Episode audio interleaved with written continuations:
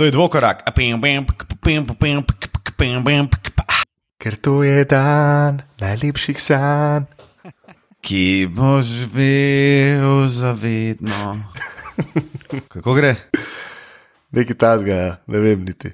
Kva pa niksi, stari.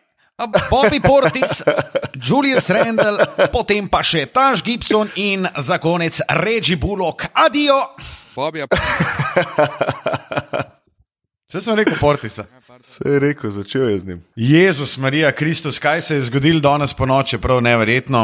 Uh, začel se je free agency, uh, več ali manj vsi trije smo do polnoči čakali. Uh, jaz sem se še ene parkrat vmes zbudil, pogledal telefon, kaj se je zgodilo, videl tudi, da gre Dragič v Dallas, pa pol videl, naslednjič, ko sem se uh, zbudil, da to ni res. Uh, videli smo neki, uf, ene par hudih signing tradeov, par hudih podpisov, razen New Yorka, ki spet lahko sam fafa banane. Ja, tole je bilo noro. Pol ure praktično se je polovica stvari že zgodila. No. Ja, jaz ne vem, kdaj se je na zadnje tako hitro kaj zgodilo, kot uh, letos, o čemer bomo še govorili, glede na to, da je čuden, da so 6-0-1, ko se free agency odpre, že kar vsi zmenjeni. Čeprav se takrat kao začnejo šele pogajati in pogovarjati z agenti, z ekipami in tako naprej. Ampak ok, najprej bom tako vprašal. Ti in Matija, kako sta, kaj počneta? jaz sem na morju in sem super. In še na morju bom. Jaz sem na morju. Mi bo super še deset dni. Prav, jaz sem doma in mi je super. In bom še nekaj časa doma in mi bo super. Uh, ja, fanta, če vaju zanima, jaz sem tudi v redu. Uh, zdaj se mi na programih sportkluba začne 14-dnevni Wimbledon in ko me čakam, da uh, takole danes naredimo ta podcast, potem pa grem malo še potenisirati. V vsakem primeru, Matija, vodi nas, prosim, vodi nas kot Jezus. Ja, predlagam, da se najprej uh, ozremo k vsem največjim ribam v tem free agencyju. Predlagam, da začnemo pri ekipi, ki je po mojem tudi največji winner tega free agencyja. Brooklyn Netsi so podpisali Kevina Duranta, Kyrie Irvinga, uh, Gereta Templa, Deandra Jordana, poleg tega so dobili Deandra, uh, ne Deandra, ampak Kevina Duranta in Kyrija še na popust. Um, in od tega, ko je Billy King pred leti ekipo pahnil na rob propada, so v petih letih prišli uh, do tega, da imajo v Brooklynu super tim in uh, da jim lahko njihov sosed New York, tako kot je rekel že Luka, fafa banane. Uh, mislim, jaz nisem sicer verjel, da bo KD dejansko sprožil to, oziroma vedel se je, da bo Kajri skoraj tam 85-90 posto šel v Brooklyn, ker se je tok pač govoril uh, o tem. Nisem pa bil prepričan, da bo KD dejansko to naredil, dokler se niso začele govorice s tem, da ne bi Deandre Jordan šel v Brooklyn. Ne? In takoj, ko sem videl. Jordan Brooklyn mi je bilo nekako jasen, da uh, gre tudi KD tja, zato ker sta z Deandrem zelo dobra prijatelja. Mislim, da imata tudi istega zastopnika, istega agenta in mislim, da so se tukaj le domine kar lepo um, postavile in potem tudi podrle, če gle- gledamo iz prizme New York Knicksov, ki lahko samo fafajo rad. Bobby Portis, Julius Randall, potem pa Taž Gibson in Reggie Bullock. Mislim, da bom to danes ene šestkrat do sedemkrat med tem podcastom povedal. Samo v primeru, da slučajno pozabimo, no, kaj New York dela. Uh, nekaj smo pa pozabili, ne? um, pa bom kar Tilna najprej izval, glede na to, da je tako le počitniško razpoložen. Tilen, kaj pa ti hejtaš? Kaj hejtam? V bistvu hejtam eno zadevo, ki se je zgodila v Evropi in sicer to, da je Barcelona ponudila 70 milijonov Nikoli Mirotiču, kot da je LeBron James pa je prišel igrati v Evropo. Vse je on dober igralec, ampak da mu daš pa 70 milijonov za 6 let, da igra za Barcelono, to je pa, to je pa preko vseh mej. Preko vsakega dobrega okusa. Ampak to sem hejtal že pravijo, včeraj popovdne. mogoče celo najbolj šokantna, šokanten trade oziroma šokanten podpis pogodbe v zgodovini, sem celo prebral. A res, kar noro. No. Sicer pa ni težko hejtati, tudi uh, karkoli naredi New York je vredno vsakega hejta, karkoli naredi Kyrie Irving je vredno hejta, tako da za hejtati zmeraj se nabere marsikaj. Matija, kaj pa ti danes hejtaš? Ja, jaz hejtam tega Kevina Duranta, enkrat za sprejemo ga hejtam jaz, pa ne eh, Lamut. To, Majster je odprl Instagram račun, zato da je lahko tam sporočil svojo novico. Jaz si kar predstavljam, ne, kako je to izgledalo. Zdaj, tam sta se dva prijatelja dobila od KD-ja in sta rekla: hej, stari, sam ti si ful popularen, pa to pa ti imaš fuljenih followerjev, kva bi dal, da, da bi bil jaz tudi. Ja, dej. Ti imaš zdaj le free agency, da odprij en Instagram račun, stari, pa bomo tja gor do- dovolj full followerjev, ti boš tam dal svoj decision, pol bomo pa to preimenovali, pa bomo en od naju. Dobro, fanti, no, pa kva je to, resno, no? kva je to, zakaj? A mi lahko en razloži, zakaj? Ne, samo meni se zdi, da so vse bila že prej, kao to je neki biznis sajt od uh, Kevina Durenta, ki je imela pred, preden je, mislim, da je eden izmed novinarjev objavil, da bo KD uh, le nekaj minut oziroma o polnoči po njihovem času uh, povedal, kaj, eh, oziroma, kam gre, oziroma kaj se je odločil, čeprav je potem Washbomb prišla. Ob 11. po našem Pol času, prej, se ja. pravi eno uro prej, in je bilo itak že vsega konc. Ampak bojda so, bojda so tako v 15-20 minutah iz 30 jurjev prišli na 100 jurjev followerjev. Um, zdaj, pa mislim, da, zdaj pa mislim, da počasi, a ustrajno pada. Tako kot Nixi, ki so podpisali Bobija Portisa, potem pa Juliusa Rendla, pa seveda Regija Buloka kot zadnjega in Taža Gibsona. Samo v bistvu ta reči bulek, kako se sliši to smešen. Oni so s tem kar lepo zajebali Lakerse, ker njega so Ja, Lakersi je imeli na res. cap holdu in um, bi ga lahko podpisali tudi, če bi šli over the cap. Tako da, če ne drugega, so vsaj Lakerse lepo jebnali. No? No, podpisali pa so tri visoke košarkarje, čeprav je jasno, da potrebujejo enega šuterja, enega, šut, enega ki bi lahko zadeval eno trojko, mogoče v celi sezoni. Ja, dobro, vse bulok je, recimo, malo šuterja. Ampak bolj je to, da imaš uh, recimo zdaj tri najboljše igralce, Randall ali pa perspektivne, Knox, pa RJ Barrett, pa vsi tri igrajo štirko. Dobro, ok, Nox je bolj trojka. No? Ja, Ampak ja, okej, la, lahko je je štirka. Mislim, mislim, da bi se štirka. Nox na štirki najbolj razvil. No, tako. Ja, evo. Še jaz- Hejt kotiček, po mojem, niti ni potreben. No? Vse si ga že izpostavil, eni štirikrat. A ne, ne, ne, jaz, a ta New York. Kao. Ja. A misliš, uh, ta New York je dubu Ne, ne, šake Miki, po ne, piki? ne, ne, ne, Julius ne, Randle. ne, A ne več. Ne. Ja, dosti. Julius Red, ne, ok, ne bom. Um, ne, moj hate kotiček je um, ta tempering. No? Zakaj, se pol, zakaj, se, zakaj se delamo? Sam to mi povejte. Zakaj se delamo, da, da se ne dogaja noben tempering in zakaj en tempering kaznujemo, drugega ne? Zakaj, zakaj se delamo? Zakaj so bile vse pogodbe podpisane oziroma dogovorjene, dogovorjene 6-0-1, če se ne bi šele takrat ob uh, polnoči po njihovem času začeli oziroma po našem času, ob šestih po njihovem, začeli uh, pogajati z agenti in z ekipami. Dajmo, da, da, da, nehimo, nehimo se slepomišiti in lepo rečemo, da je cel ta free agency bil tempering. In to največji, najbolj očiten tempering v zgodovini, el historija. Mislim, to je čisto res. Meni je šlo kar konkretno na živce. Bedno je to, da se res prej pogovarjajo. Ne? Mislim, če že vsi vemo, če se v polnoči začne, pa vsi vemo že tri dni prej, kje bo kdo pokončal, pač to je brez veze. Mislim, brez veze, ni brez veze, vse je zanimivo, vse je cel žur sem. Je pa smešno, da imaš ti neka pravila, pa pol eno minuto čez, tako je Luka rekel na začetku, je pa že vsak ve. Pa ima vse zmenjeno in cache in dolžino in pač kako, da se v eni minuti se lahko zmeni, če se prej niste pogovarjali. Ne? Kao. Dost bedna situacija. No. Pa je pa še bedno to, ker eni pa ne vem, ko pa med sezono kdorkoli nekaj reče, en igralec ali pa kaj, da bi želel igrati z nekom drugim, je pa kar kaznovan zaradi tega, ker je pač odgovoril na vprašanje, s kom bi želel igrati in to je pol kar tempering, pa deno. Ja, ja, ja, Ja, tem. Več predlagam, da gremo kar naprej. No. Um, zdaj, poleg te največje bombe, kar se tiče prestopov uh, z Brooklynom, ki bo sicer celo naslednjo sezono brez Kevina Durenta, tako da je vprašanje, če bo že kar tako relevanten. Uh, sem malo, Um, sem malo. v boju za Mene naslov. ful zanima, kaj bo Brooklyn drugo leto naredil, zaradi tega, ker bo Kyrie Irving imel ekipo tako, kot je imel pri Clevelandu, ko je bil brez Lebrona, oziroma ajde malo boljšo. Ful me zanima, res kaj bodo naredili, ker bo imel ful podobno ekipo, kot je imel D'Angelo Russell, pa da vidimo, kaj bo on naredil s tem Brooklynom. Ja, zanimivo bo videti. Ja. Jaz bi šel naprej k trem presenečenjem, vsaj za me eh, tega free agencyja, pa začnimo z enim, ki smo ga že omenjali.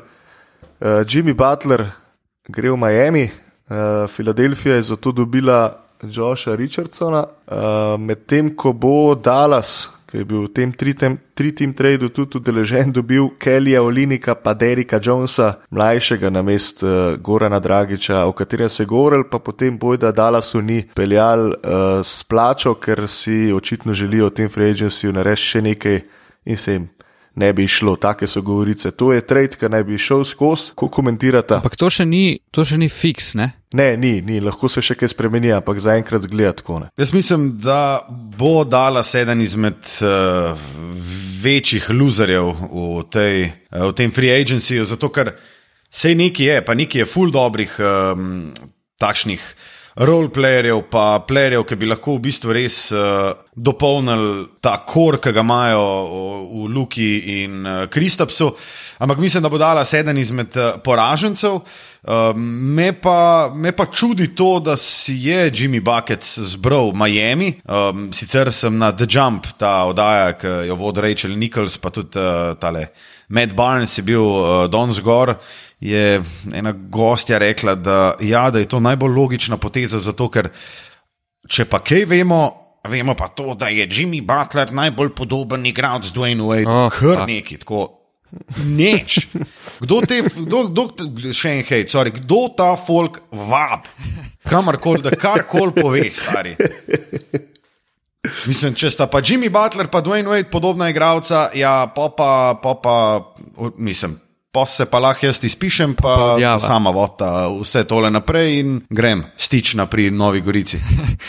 Ej, meni je ful všeč, da se je Miami v bistvu vmešal v to zgodbo, ker smo se tudi mi že parkrat pogovarjali, da v bistvu Miami nima dosti shoda s temi vsemi bajnimi pogodbami, ki jih imajo in da bodo karkoli težko naredili. Zdaj pa v bistvu imajo enega igralca, ki sicer, kot je Matija že včeraj rekel, ne morete spraviti čez rob, da bi zdaj bil vem, kandidat za naslov ali karkoli, ampak vseeno imajo pa nekoga, na katerega se lahko zanesejo enega res, gremo reči, zvezdnika v ekipi, ki ga prej niso imeli, oziroma Wade je bil že v, v, na pol v penziji, zdaj pa imajo spet enega igralca, zaradi katerega je Miami spet zanimiva ekipa, če ne drugo.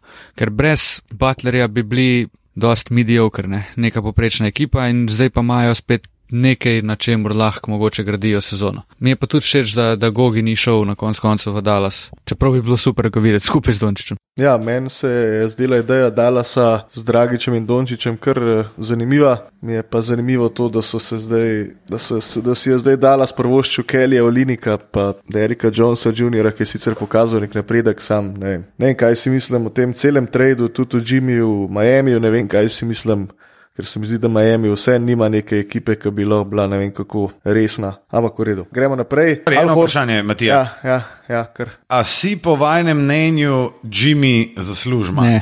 Oziroma Supermax? Ne. Itek da ne. Zakaj ne? Mislim, se po mojem mnenju si tudi ne zasluži, zato ker meni se zdi, da on ni igralec, ki dela takšno razliko, da bi lahko, ko pride v eno ekipo, ta ekipa kar naenkrat ratala kontent. No, zdaj si povedal, zakaj si ne zaslužiš.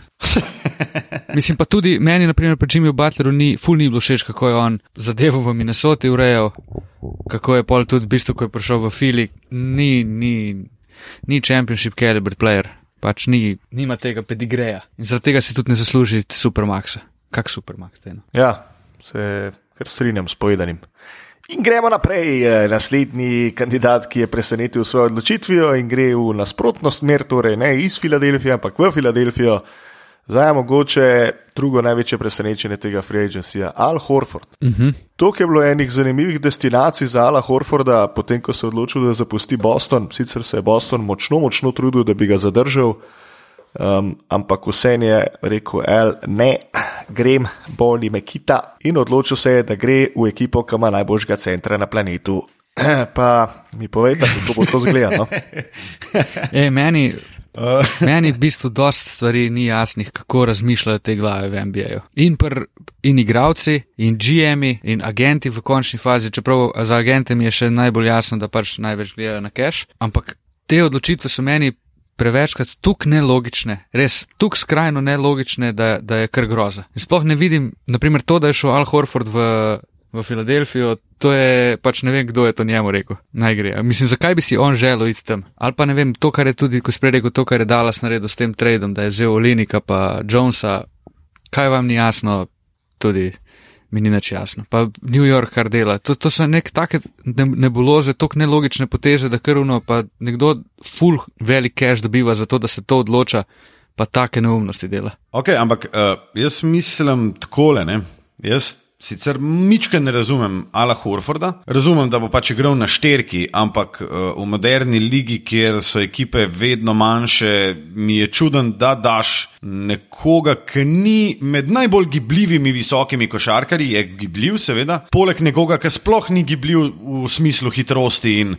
Uh, in eksplozivnosti. Je pa tako, potencijalna začetna peterka filija je, Ben Simons, Josh Richardson, Tobias Harris, Al Horford, Joel Embiid. Na papirju je to monstrumska um, začetna peterka. Ja, je, sem. Ja, se, se vse v teoriji lepo sliši, kako bo Al Horford igral na štirki, ampak Al Horford je svoj najboljši basket v življenju, ki ga igra zadnjih pet let igral na petki. In zdaj, kar naenkrat bojo pa oni odkrili toplo vodo v Filadelfiji, v small ball eri basketa, ja. da bojo pa igrali z dvema visokima igralcema. Točno to. Ne, to tem, da, oni bodo imeli v bistvu najnižji košarkar v prvi peterki, bo Josh Richardson, ki je lagano nad 1,95 m, če ni celo 2 m, ja, Josh ja. Richardson visok.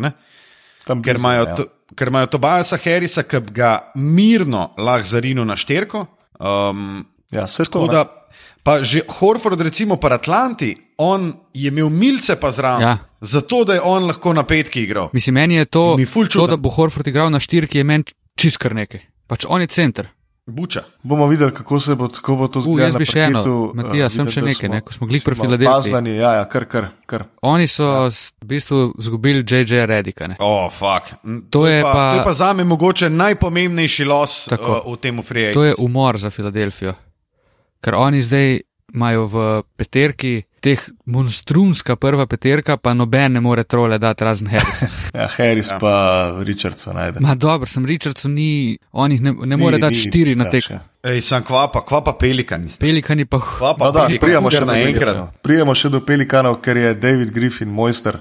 To je končno NGM, ki ga razumem, ker bi šel še do enega presenečenja, ob katerem se bomo vsi skupaj uh, zgrozili in začudili. Andrej Godala je odšel v Memphis zato, da je naredil uh, plec uh, za neverjeten podpis igralca. To pa je, dame in gospodje, D'Angelo Russell v Golden State Warriorsih, ki je spet zbudil haterje uh, Golden State, češ da zakaj jim druge ekipe pomagajo biti dobri. Zdaj pa vidim, meni povejte, ali je ta podpis res tako dober, kot se sliši na papirju. Se pravi, naslednji sezoni, ko bo Klej Thompson večino časa manjkal, boste na enki in dvojki igrali D'Angelo in Steph, izgubil se najboljšega obramnega igralca. To bo zgledal, kot tam le vrtljiva vrata v City Parku.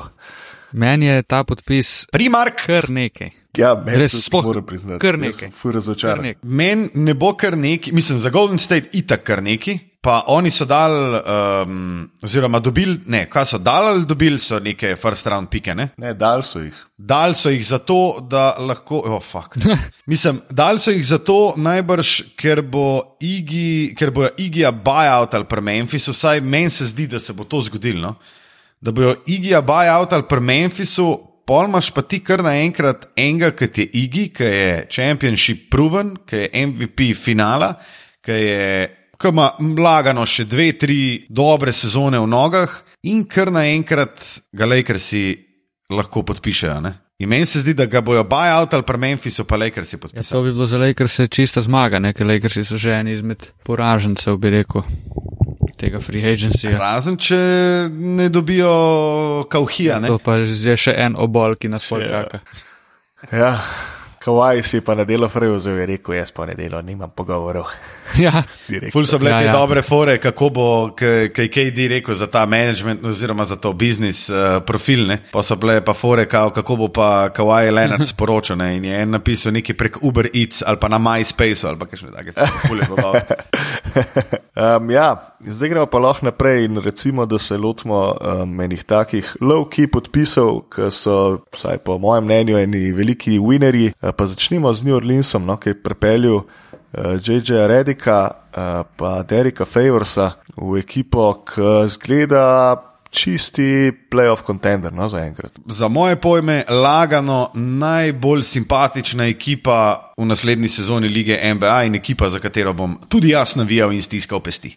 New Orleans meni do teh dveh uh, potez ni bil glih preveč všeč, pač Neč posebnega mi niso bili, uh, ampak zdaj so to pa res uh, dve dobri potezi. No. Favors Redik, dosti izkušen, tudi za te mladce, vse, ki jih imajo, za enega zelo, da ima neke ala mentorje. To je res full dobre poteze z njihove strani, res. Presenetljivo dobre. Ne, se David Griffin dela dobro delo, v bistvu že odkar je prišel v Pelikanse. Pri Pelikansih je velik problem, da si, so si oni management delili z Saintsi v New Orleansu, se pravi z ekipo ameriškega nogometa in zato je bilo pogosto to nekako delo v, v ozadju slabo upravljeno. V letošnji sezoni, vsaj v tem off-seasonu, pa delajo zaenkrat same dobre stvari.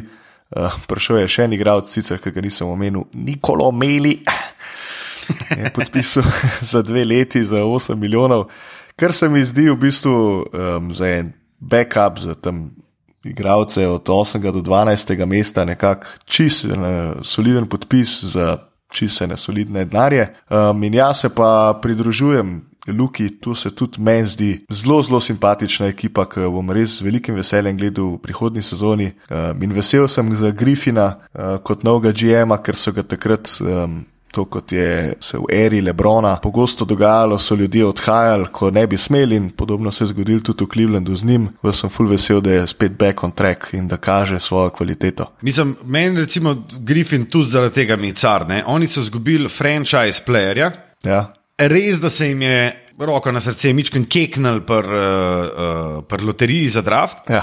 Ampak oni, oni bodo v bistvu brez franchise playerja, vsaj po mojem mnenju, imeli boljši, boljši skor razmer zmag in porazov, kot so ga imeli s svojim franchise playerjem. In to je recimo ta zadeva, da ti, ko zgubiš nekega košarkarja, ki je super zvezdnik, ki je top 5, da si ti ta GM, ki ne pustiš, da tvoja ekipa pade. V to, da jo ti moraš pol rebuildati, da moraš iskati draft pike, ok, itak iščejo draft pike, pa so ga dobili vzajemno, ampak on ima še zmeri temelje, če je Drew Holiday, valjda, podpiše se je restricted free agent, uh, če se ne motim. Ne, ne, eno sezono še ima. Aha, ok. Eno sezono še ima, ni, ni free agent. Ok, in jaz mislim, da je on, kar se tega tiče, naredil. Tako fantastično delo, zato ker New Orleans ne bo padel. New Orleans bo konec koncev boljši, kot je bil. Dajmo še eno ekipo, ki je po mojem naredila fantastično delo v tem off-seasonu, Uh, začel se je s tem, ko so Utah Jazzy tradili za Majka Conleya, zdaj so v, ekipo, v ekipi so se končno znebili Derika Favorsa, s katerim so imeli vedno en tak awkward fit v preteklih letih, in namesto njega pripeljali Bojana Bogdanoviča, enega najbolj pocenjenih streljcev. Jaz bi mu rekel, da je to light verzija Kleja Thompsona, uh, ki je naredil eno fantastično peterko Utah Jazza na papirju, no, vsaj Conley na playu, uh, Mitchell na dvojki, Ingles na trojki. Bogdanovič na štirki, Gobert na petki. No, če je, če je Luka rekel, da je njemu New Orleans ekipa, ki jo bo najraj gledal, pa za njo navijo, je pa meni Utah full, full hud za naslednjo sezono. To mi je pa ena peterka, ki mi je pa noro zanimiva in njih bo res kul cool gledati, imajo full dobro razmerje od tega, da lahko igrajo po globini, imajo Goberja, ki je dober v obrambi, imajo Konlja, ki je izkušen bek, zna igrati tudi playoff, imajo Mičela, ki se lahko noro razvije zraven teh vseh igralcev. Poleg tega imajo pa Bogdanoviča, ki zna igrati, tudi če je, naprimer, ne vem, Mičel poškodovan, kar smo videli pri Ladipu v Indijani, zna igrati zraven tajega zvezdnika, kot je Mičel, poje pa še Ingels, ki je pa pač koristen noro. In res imajo full cool ekipo, Bog ne daj, da še kaj koristnega dodajo, ki pa so pa res hudi. Ja, se so dodali, mislim, koristno zdaj je to vprašanje, ampak Eda Davisa so dodali, kar čist je legit, čist pač legit. čist Soliden, Tako. legit big man iz klopi. Tako. In to za 5 milijonov na sezono, kar pa je v bistvu dan danes, ko Change. je salary cap šel, ja, je res drobiš. Um, zdaj pa še ena ekipa, ki je po mojem naredila dobro delo. In sicer uh, so odlično odreagirali na to, da so izgubili Bojana Bogdanoviča pri Indijani, kjer so dobili Malcolma Brogdona v and tradu iz Milwaukeeja. Mislim, da se je Milwaukee tega and trada lotil predvsem zato, da ima lahko dovolj prostora za druge igralce, ki jim je namenil malo več denarja. Brogdon, low key, uh, eden najboljših plejev, recimo teh plejev, ki ne rabijo veliko žoga v rokah, um, v lanski sezoni 40 posto za dve, oziroma za 53 posto, za dve točki, pa 90 posto šrte prostih metov, kar se redko dogaja. Poleg njega je pa v Indijano prišel še en igralec, ki je imel potiho dobro sezono v Šarlotu, Jeremy Lamb. Tako da jaz mislim, da je tudi Indiana se lepo pobrala, potem ko je izgubila v bistvu uh -huh. najboljšega streljca lanske, lanske sezone, če izuzamem Ladipa, ki se je poškodoval. No. Je, dobro so, se, dobro so se pobrali. To je bil pismo. Niso izgubili samo Bogdanoviča, ne? No, oni so tudi Tedija Sajanga izgubili. Ja, ok. Matedijus ti je tak, tak uh, koristnjak, ah, obrambnjak, ja, napadnjak, ja. vse dela. Ne? Vse neč no. pretirano dobro, dela pa vse je solidno. Ja. Ampak on se dela edino razlike. Ne, da je njega dosti lažji. wow. Ne, ampak imam dejansko ga imam rad. Mislim, je čist, čist soliden igralec, sem ne, pa ne vem, kako jo hoče. Mene ta Malcolm Brogdon, Brogdon me, me tole, mislim, da je velika napaka Milwaukee, no, da so ga spustili. Je res, da so re-signali Georgea Hilla, ampak jaz bi pol.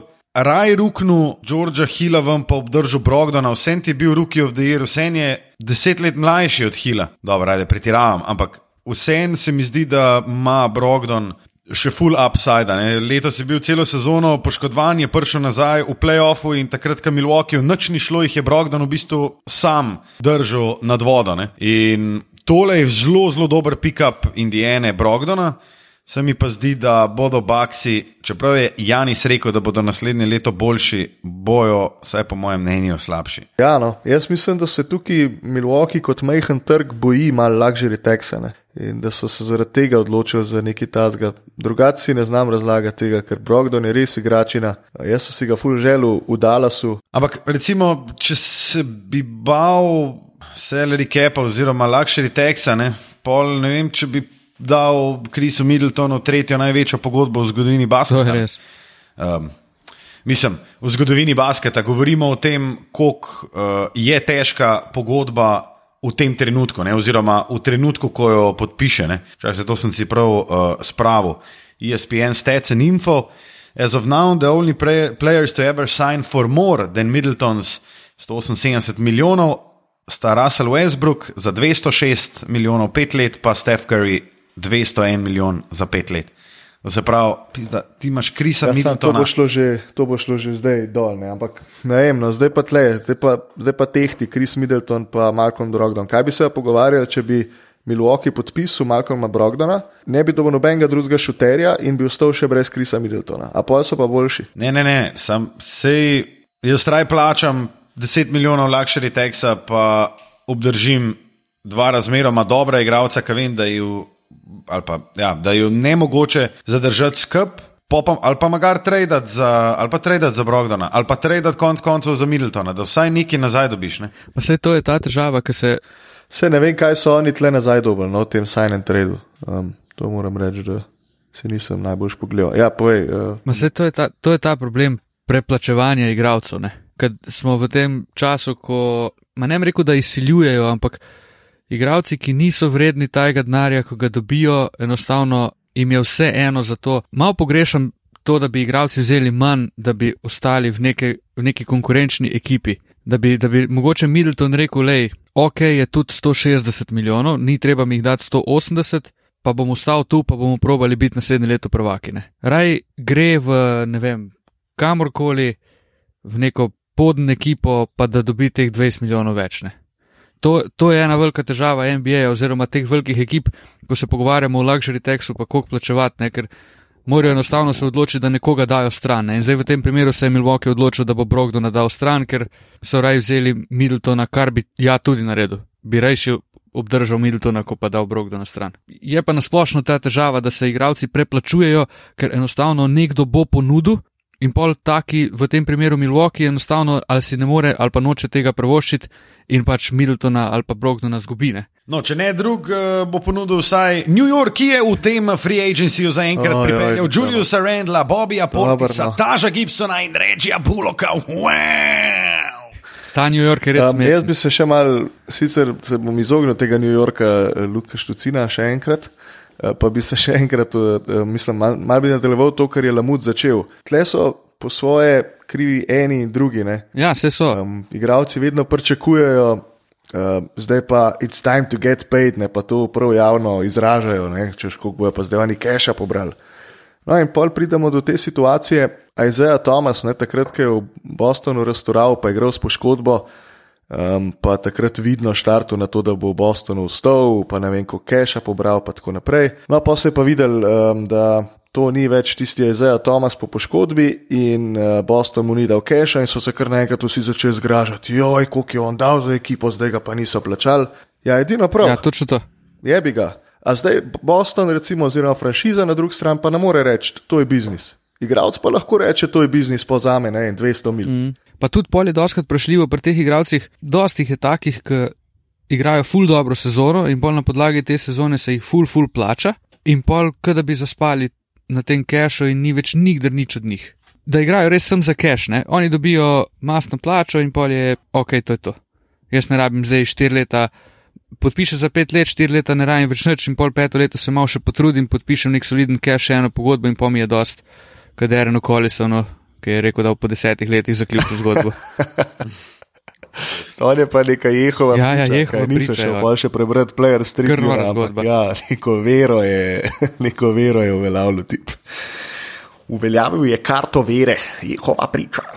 V glavnem kako naredimo zdaj ta zaključek, a gremo še loserje tega free agencyja, lahko začnemo uh, na Lukovo, Lukovo čast z New Yorkom, ne, se jih smo že mal. Dajmo še en loser, zdaj vsaj za enkrat, ko kaže, je Dallas. Ja, definitivno. Dallas z izjemo tega, ker eh, je prepelu, um, ni zapolnil nobene izmed pozicij, na katerih imajo težave, se pravi, predvsem je to en šuter na krilu, pa en soliden play. In tle je šlo že kar nekaj igralcev mimo in ni več veliko stal na trgu, kar bi lahko bilo zanimivo. Mene je v bistvu Dallas kar konkretno razočaral, svojo neaktivnostjo predvsem. Bil sem siguren, da se bo oni konkretno pognali za Horfordom, kar bi aplaudiral temu, tej potezi, pa se zgleda, da niso, oziroma na začetku so se te govorice kar so bile močne. Pa se je pa kar vse skupaj nekaj potihnilo, na koncu je on šel v Filadelfijo, Dallas je ostal brez. Meni je bilo Meni je v bistvu kar simpatična ideja bila tudi ta, da bi Rubio, potem ko je šel iz uh, Utah, da bi, da bi podpisal za Dallas, ker je en tak igralec, ki ne rabi do žoge, ima izkušnje iz playoffa. Po mojem bi se kar dobro vklopil, sicer ne zdaj, da bi Dallas z njim konkuriral za naslov prvaka, ampak za eno končnico pa sigurno ne. Pa niso niti povohali te opcije, ok, probali so zdaj za Dragičem, ampak mislim, da celo Dallas dejansko ni hotel Dragiča imeti, ampak je hotel Olenika pa Jonesa da Miami je bil pa prepričan v to, da je Dragič in pol zaradi tega. Tako je.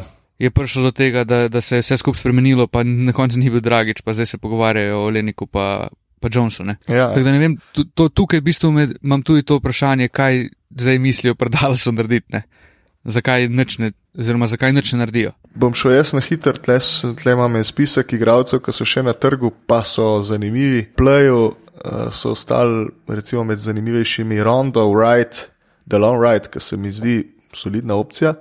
Uh, Queen Cook, Jeremy Lin, pa TJ McConnell, uh, tle bi dodal mogoče še Satoranskega iz uh, Washingtona.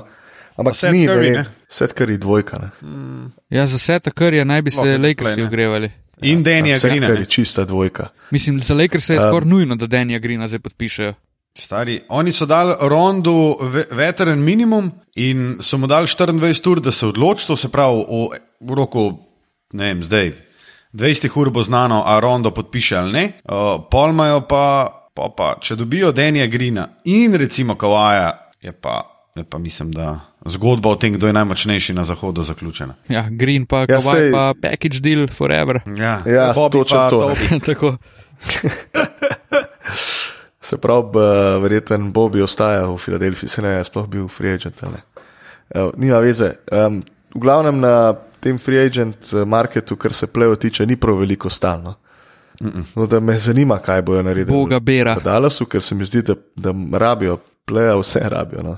Jalen Branson. Um, pol, kar se tiče. Mogoče pa stavijo na njega. Ja, od, Očitno. Kaže, no. Jaz sem si tudi to tako razlagal. Kar se tiče visokih branilcev le lahko zanimiv, Tyreek Evans, Danny Green, Lance Stevenson, Seth Curry. Se pravi, spet ne neki, kar se tiče krilnih igralcev, Kawhi, Markus Morris, Jonas je repko, uhu, vročinca. Uh, na krilnem centru Richon Holmes, Kenneth Farid, Markif Morris, Jamichael Green, ki je v bistvu še najbolj zanimiv. Pa na centru Recimo en igralec, ki bi mogel zanimati Dallas, ker tu centra rabijo, čeprav so odpisali Pavla za tri leta za 30 milijonov.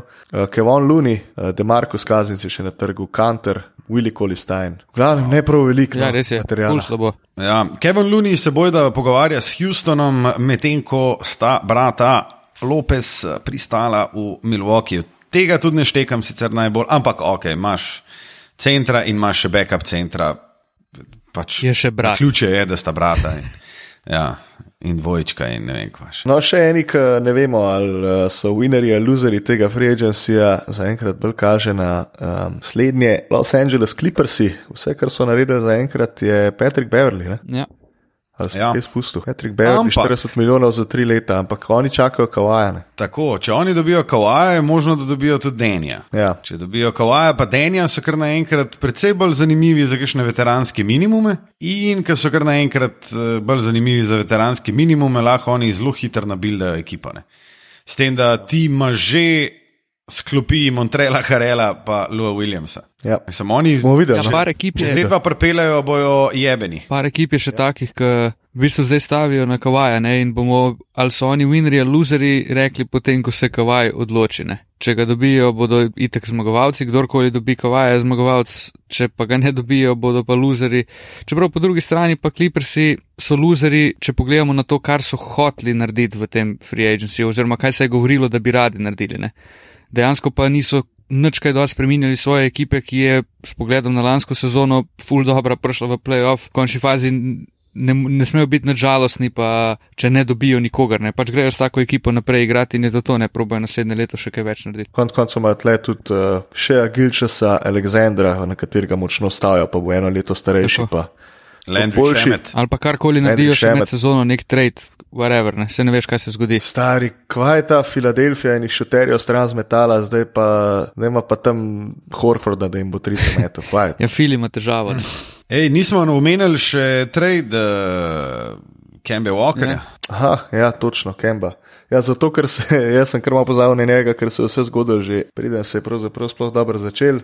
Uh, ja, Kemba v Boston, uh, Terry Rozier v Charlotte, uh, Rozier za 48 milijonov za tri leta, sem si prav zapomnil.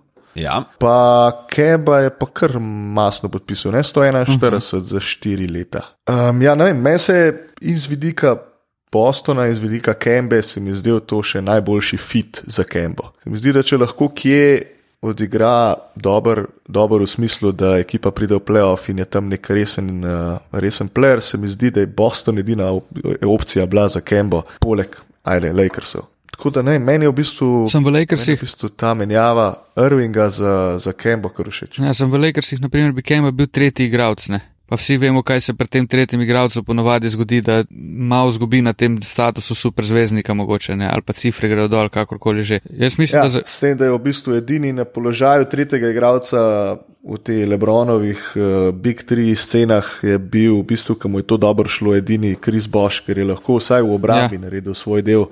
Tle imaš pa, recimo, v zadnji instanci bil Kevin Love tisti, ki bi mogel polo odigrati obrambo, pa je enostavno ne more. Kembo bi bilo pa zelo podobno. Ja, pa tudi Kemba je.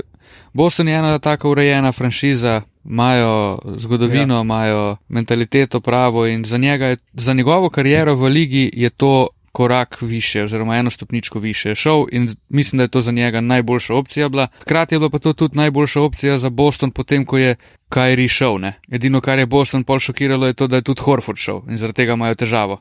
Ja, ja. Ker Kairi Tako, je, se drugače meni zdi, da je Boston Boston več težav delal, pa prednosti. Ne. In to, da je Kairi šel iz Bostona, mogoče za Boston niti ni tako slabo. Ja, verjetno je to boljš, tudi z, tudi z vidika Bre- Breda Stevensa, ki ima očitno težave z egom Kajrija. Ja. Kemba, če drugega ne, je vsaj malo bolj normalen, kar se tega tiče. No. Scary Terry je šel v Charlotte, kar je v bistvu tudi en dober move za ene in druge. Eh, Charlotte bo rebuildil v naslednjih letih, potem ko se znebi še teh masnih pogodb, ki jih ima, Kida Gilchrista in um, Nika Batuma, ki mislim, da imata oba dva še po eno ali pa dve leti. Eh, Batum vem, da ima še eno. Uh, tako da ja, bo recimo Terry Rozier um, nek, uh, neka skala, okoli katere bodo rebuildali, po moje, pri Šarlotu, no, pa bodo lahko dodajali dobre igralce. Zdaj bi pa jaz šel na hiter še skozi uh, te pogodbe, ki so se podpisale. Uh, podaljšal je za 170 milijonov pet let Jamal Murray v Denver, tle mislim, da nimamo kaj, ki je dosti razglabljati, no, dober move za, za Denver. Potem brata Lopez bo ta skupaj igrala pri Milwaukeeju, kar smo že povedali, imamo New York Knicks, ki jih ne bomo omenjali, niti višine teh pogodb, ki so jih podpisali. Bobby Portis, um, Julius Randall, potem pa Reggie Bullock in še Taž Gibson. Oklahoma je dobila enega šuterja na visokih položajih, Majka Muskelo, uh, Mario Hezonja je podpisal s Portlandom za minimum. Ariza s Kingsi. Uh, Tobias Harris ostane za 180 milijonov za pet let, kar se mi zdi kar kar. Zajeten kupček denarja za uh, Tobiasa Harrisa, Mike Scott ostaja v Filiju, Eh, dve leti 10 milijonov, Demare Carroll gre v San Antonijo s prse 13 milijonov eh, za dve leti. Eh, potem imamo tukaj Terjes Jank v Chicago za 3 leta 41 milijonov, Daniel House v Houston 3 leta 11 milijonov, odličen value bo tle dobil Houston, po mojem. Ricky Rubio v Phoenix 3 leta 51 mil. Uh, mislim, da bo tvoril dober dvojec z Devinom Bookerjem. Ja, to je za Phoenix dobro. Ja, ker so rabili tako. Enega tega odgovo odgovornega, ne morem reči, da za Rubija sicer to govorim, ampak me je prepričal v zadnjih dveh sezonah, moram reči. Mislim, enega tega z glavo na mestu zrelega playmakerja rabi Phoenix in rabi ga tudi Devin Booker. Sicer ima Phoenix še skozi več težav kot rešitev, ampak soliden movno. Potem praktično edina poteza Washingtona v tem Fregencyju um, in zelo pomembna, Thomas Bryant, center, ki je edina svetla točka, poleg Bradleya Bila je podpisal za 25 milijonov, Rodney Hood dve leti 16 milijonov. Ne, Bryant je res dober podpis, drugače. Um, Derrick Rose, Detroit Pistons, dve leti 15 milijonov, Valančiunas, tri leta, Memphis 45, uh, dober služ Jonas. No? Yeah.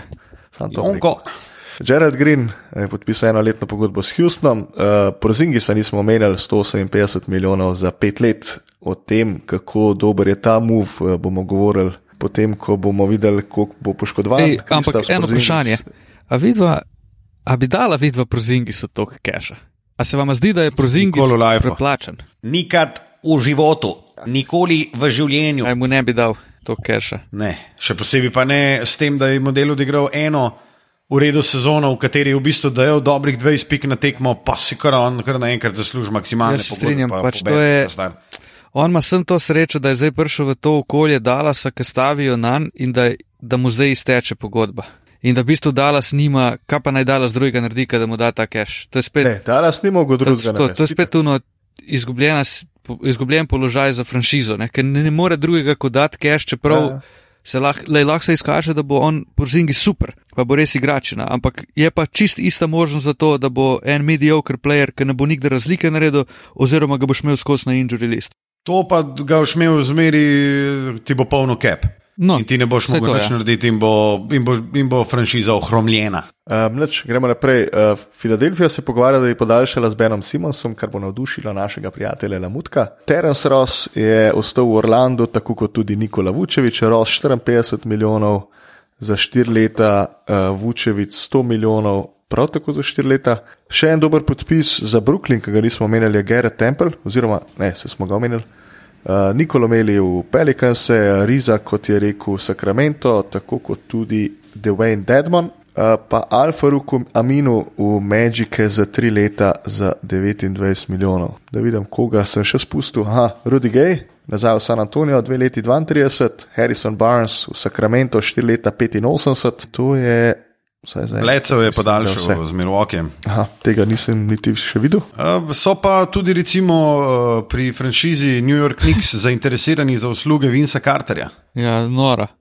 Mislim, da jih lahko na pota stare slave popelje. A mislim, da. Mislim, ampak, Vse se vsi zavedamo, da te, te podpisi to pomeni, da naslednjo sezono ne bojo 15 na vzhodu, ne? ampak bojo 14, kar pa je, mislim, da velik napredek, predvsem, če imaš 100 plus mil na cap spaceu za zapravo. Ja, en velik skok, ja, pričakujemo. Ja, se je res vse podarilo, no, sam kaj. Ej, sam dajmo, dajmo se pogovoriti, zakaj nihče več ne. Zdaj imam pa kar naenkrat precej več spoštovanja do Karmela Antonija. On je bil zadnji, ki je imel jajca, ok, jaz si dam nahrbtnik po imenu New York na svoj hrbet in s tem pritiskom špilam. Ja. Nihče noče več iti v Nikse. A je dolen problem, a je dejansko to, da, da so pač, ko prideš ti v Nikse, je Če, nisi, če ne zmagaš, si v bistvu Jaz fade. mislim, da je neka fama se okrog Nixov ustvarila, da vsak, ki pride, ga Nixi, tako da bi v eno jamo padel in potem ta jama poje in ti ne moreš več ven, pa, do, pa slab si v tej jami. Ampak to je od Aizeja Tomasa, ki je bil trener, pa Ja. tudi, ki so bili Jamal Crawford, Stefan Marbury, Steve Francis, ki so tam špilali. Od takrat naprej so oni malo so pokukali na površje s Karmelom, pa pol s Porzingisom. Ampak tole, tole je prav neverjetno, kakšen, mislim, koliko oni niso playeri na free agencyju, je meni noro. Noben noče špilati v Ma- Madison Square Gardenu, ampak jaz mislim, da noben noče špilati dejansko za Dolana. No. Mislim, to se je Ja, letos noro dokazalo v tem free agency, ki je bilo res, letos je bilo en kup igralcev, ki so super zvezdniki, pa so bili prosti, pa so bili free agenti. Pa noben, noben, niti en se ne odloči iti v New York. Pač to je nekaj, pa to naj bi bila želja večine igralcev, da jih želi podpisati New York, ne? pa da grejo lahko tam igrati. Zaradi tega je mene tudi ta odločitev Durenta, da gre v Brooklyn, kar malo presenetila, če sem čisi iskren. Sicer Včeraj, ko smo se menili, sem rekel, da mislim, da bo Brooklyn zaradi Irvinga, ampak ne vem, zakaj, zakaj Brooklyn pa ne New York, ker če že želi imeti neko to big time franšizo, pač ne greš v Brooklyn, pa greš v Nixe. In tudi za, za enega Durenta bi bilo to noro, naprimer, da on pride v Nixe, pa jih naredi kontenderje, pa jih ne vem, pride z njimi v finale konference vsaj ali pa finale NBA-ja. Pač on bi bil.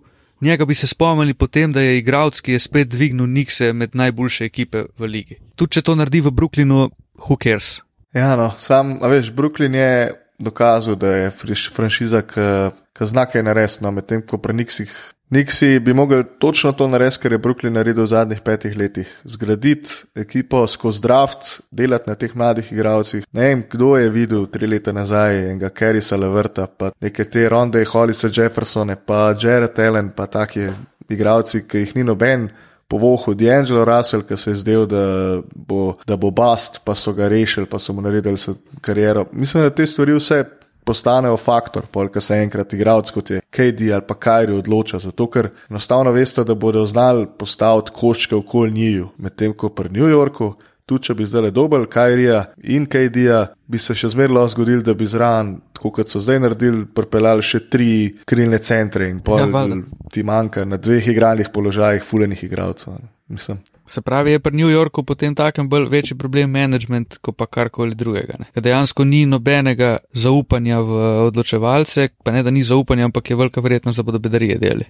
Ja, jaz mislim, da je to glavni faktor. Ej, še ena stvar, kar mi je pa zanimiva in Ajde. v bistvu pohvala za Sacramento, je pa, da je Demarko Skazin se zanima se za podpis s Sacramentom, oni pa ga nočejo več nazaj.